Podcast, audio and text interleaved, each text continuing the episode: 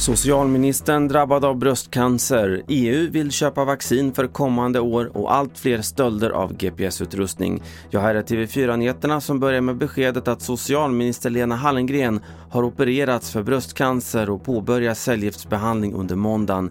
Det här berättar hon för Jenny Strömstedt i TV4s Nyhetsmorgon idag politik är en jättestor del utav, av mig och mitt liv, men jag är också en människa. Så jag tänker att det är mycket bättre att vara ärlig med, med, med vad man, vilka utmaningar man står inför och vilka konsekvenser det kan bli. Om det blir någon sjukskrivning, finns det någon färdig vikarie på eh, ministerposten? Den frågan är inte aktuell, utan skulle det bli det, då får vi återkomma till det. Men, men i dagsläget finns det inga sådana planer.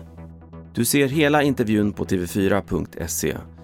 Sent igår kväll kom beskedet att EU vill köpa över en miljard doser covidvaccin för att kunna fortsätta med vaccinering även kommande år.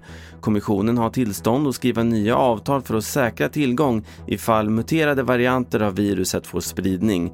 Men varje EU-land får själv bestämma om det vill vara med i avtalet. Richard Bergström är Sveriges vaccinsamordnare. Än så länge så har ju alla medlemsländer varit med på alla avtalen. Eh, men det är ändå ett enskilt beslut som Sveriges regering måste fatta om man vill vara med och ha den här, kallar det för försäkringslösningen, att ha tillgång till, till jättemycket vaccindoser 2022 och 2023 också. Var tionde ung kvinna i Sverige får antidepressiva mediciner.